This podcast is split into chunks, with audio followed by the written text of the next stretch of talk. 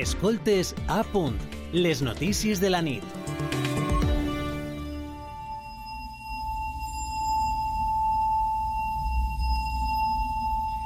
A les 8 eh, i 28 eh, els expliquem que la Llei de Protecció Integral a la Infància i l'Adolescència contra la Violència va entrar en vigor el 25 de juny de 2021.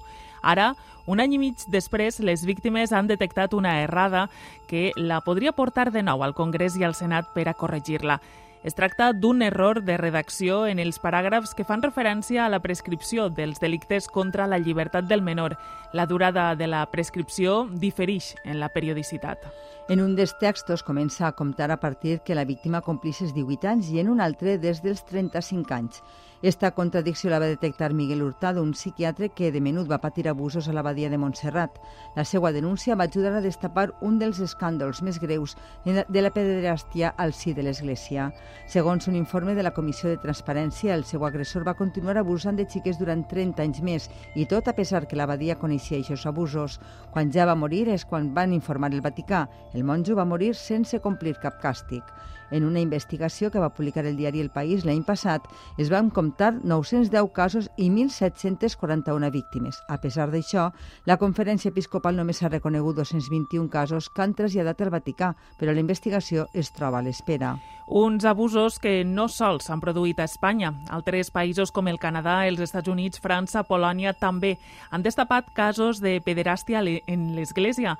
Precisament esta setmana s'han fet públiques les conclusions de la comissió que ha investigat els abusos a menors en l'Església a Portugal. 4.815 menors han patit, abus, han patit abusos durant els últims 70 anys a Portugal. La majoria de casos han prescrit, però s'han remès a la Fiscalia 25 denúncies perquè les investiguen. La comissió també farà pública una llista amb els noms dels sacerdots implicats que continuen en actiu. Els casos d'abusos sexuals a menors són molts més, no sols per part de l'Església. L'Observatori contra la Violència Domèstica i de Gènere va elaborar un informe el 2020 en què s'assenyala que en 7 de cada 10 casos, és a dir, el 68% dels que s'han analitzat, la víctima de l'agressió sexual era una xiqueta o un xiquet. Així, a Espanya, va ser el pianista James Rose el eh, que va sol·licitar al govern espanyol una normativa per a protegir a la infància i l'adolescència, una llei que va obtindre el vistiplau de la Cambra Baixa quasi per unanimitat. Ara és Miguel Hurtado el que ha comunicat tant al govern de Pedro Sánchez com als grups parlamentaris l'errada sobre la prescripció dels delictes. I esta nit parlem amb ell per a conèixer millor què suposa aquesta prescripció. Bona nit. Eh, hola, bona nit. Uh, vostè ha enviat una espècie d'esmena que es podria afegir a esta, a esta llei. Què, què es demana exactament? bueno, eh, nosaltres, un equip eh, jurídic amb el que he col·laborat, eh, vam detectar una sèrie d'errades no? a la regulació dels plaços de prescripció en els delictes eh, contra menors. Eh, la, una molt òbvia era que els delictes contra la llibertat estava mal redactat, el plaç de prescripció començava als 18 i als 35, el qual és il·lògic i s'ha de corregir. Però també vam eh, notar va, que hi havia altres tipus d'errades, no? Per exemple, un error greu és que no s'apostés per la imprescriptibilitat dels delictes de pederàstia, quan eh, hem detectat que 27 països ja han aprovat aquesta norma. Uh -huh. eh, si no es vol aprovar la imprescriptibilitat, eh, una altra opció és elevar més els plaços de prescripció. En aquests moments comença a comptar a partir dels 35. Nosaltres diem, bueno, es pot elevar perfectament a partir dels 45, eh, perquè la majoria de víctimes denuncien entre els 45 i els 55 anys. Llavors, els plaços actuals es queden molt curts. Uh -huh. Perquè eh, eixa denúncia, en principi, o per què es fa, sobretot cap a eixes edats que, que ha comentat, té a veure, entenem, amb el fet que, que, que que és quan podríem dir s'està preparat per a verbalitzar els abusos i tot el que això comporta, perquè entenem que deu ser un procés molt dolorós i difícil de, de gestionar, veritat? Sí, les víctimes d'abusos sexuals infantils han de superar una veritable barrera d'obstacles fins que són capaços de eh, denunciar a la justícia el que els ha pesat. En primer lloc, eh, perquè hi hagi una denúncia, ha d'haver-hi un relat eh, coherent i al menor, per immaduresa emocional i cognitiva, moltes vegades li costa entendre el que ha passat i explicar-ho en paraules. Eh, llavors, a mesura que la víctima va creixent, va madurant, té més eines eh, per poder afrontar el que ha passat. I també és important tenir en compte que moltes vegades eh, la, bueno, la majoria d'abusos succeeixen en l'entorn de confiança del menor.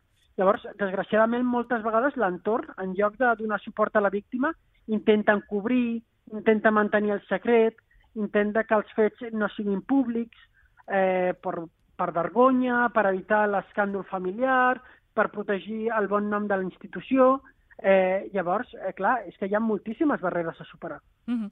Per això, eh, es pot dir que es denuncien tots els casos d'abusos eh, infantils?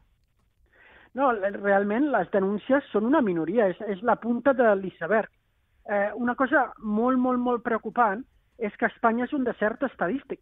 No tenim xifres creïbles, vàlides, eh, de l'extensió dels abusos a la nostra societat. Eh, L'última uh, enquesta que es va fer uh, a tot l'estat l'estat espanyol eh, donaven unes xifres molt altes, però l'enquesta es va fer el 1995. I en els últims 30 anys, els partits polítics, els governs i les institucions no han volgut eh, medir la, eh, la mm, quantitat del problema. Uh -huh. eh, per què creu que passa això? perquè és un tema incòmode, és un tema eh, desagradable i moltes vegades eh, a nivell de la societat civil falten eines per saber com afrontar aquestes situacions en garanties i d'una manera que, que es pugui eh, ajudar el menor i cuidar el menor. Eh, el que és més trist és que aquestes eines existeixen no? Durant els últims 30, 40, 50 anys s'ha avançat moltíssim en saber el tipus d'intervencions que ajuden a prevenir els abusos, que ajuden a detectar-lo d'una forma precoç, que ajuden a les víctimes a superar-ho, eh, però aquestes eines que estan al nostre eh, eh, que estan disponibles, encara no les utilitzem tot el que podríem. Mm -hmm. Confiem que això passe. Um, abans d'acomiadar-lo, um, voldríem saber si ha rebut uh, o han rebut resposta per part dels grups polítics o, o del govern sobre aquestes uh, distintes errades que, que s'han uh, que han observat en la llei i que volen que es modifiquen, que s'esmenen. Bueno, eh, només hem tingut una reunió amb Esquerra Republicana de Catalunya, eh, que ens ha escoltat i valorarà l'esmena, eh, i, eh, per exemple, eh, perquè els valencians ho sàpiguen, cap partit valencià, ni del govern ni de l'oposició, del govern el, el Partit Socialista Valencià o el Compromís eh, o Podemos s'ha posat en contacte amb nosaltres, però tampoc l'oposició, ni el PP, ni Ciudadanos, ni Vox sigui, que sàpiguen els valencians que els seus polítics el tema de la protecció a la infància els importa poc. Doncs eh, esperem que l'escolten també i a veure si reben una telefonada després d'esta entrevista. Moltíssimes gràcies, Miguel Hurtado, per haver-nos aclarit eh, esta qüestió, que és molt important, sobretot per això que comentava, no? perquè es facin passos abans avant per a poder saber més, per a tindre mm, una estadística de, de la radiografia sobre mm, els abusos a, a menors. Moltíssimes gràcies i molta sort. Anirem, estarem pendents de com evoluciona eh, esta qüestió. Moltes gràcies i bona nit. Moltes gràcies a vosaltres. Escoltes a punt, les notícies de la nit.